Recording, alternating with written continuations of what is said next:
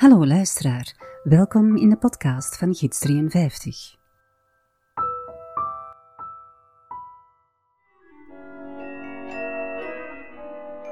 Het is 3 oktober 1940. Zoals elke dag doet Israël zijn ronde langs de baars en de cafés van de Antwerpse stationsbuurt.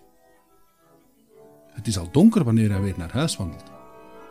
Hij voelt dat er iemand achter hem meeloopt. Hij versnelt zijn pas, loopt links en rechts de straten in en duikt dan in een donker steegje. Plots roept er een luide stem: Halt! Steen blijven! Een meesterstuk dat gewoon onbekend de bewondering van alle kunstliefhebbers verdient. Wij spreken van het uitmuntend schoenmakersaltaar, de heilige Crispinus en Crispinianus toegewijd, en dat zich in een der duisterste hoeken der kerk bevindt. Aan boord wordt er geroepen. Het schip is vol en het is ermee gedaan. Gedaan, zeg ik u. Een getuige zegt later: Ik vermoed dat hij toen reeds midscheeps volledig onder water heeft gestaan en dat hij alleen maar bleef drijven op zijn reserves.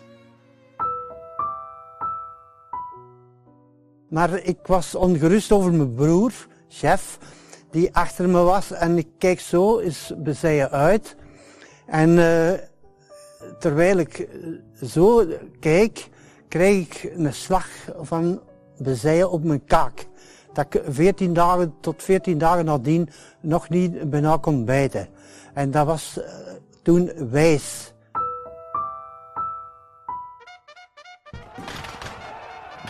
Rebellen worden beschoten met kanonnen. Dragonders te paard chargeren. Maar, zoals Van der Mesch gehoopt had, loopt de aanval vast in de straten van de stad. Sluipschutters beschieten de keizerlijke soldaten en maken heel wat slachtoffers.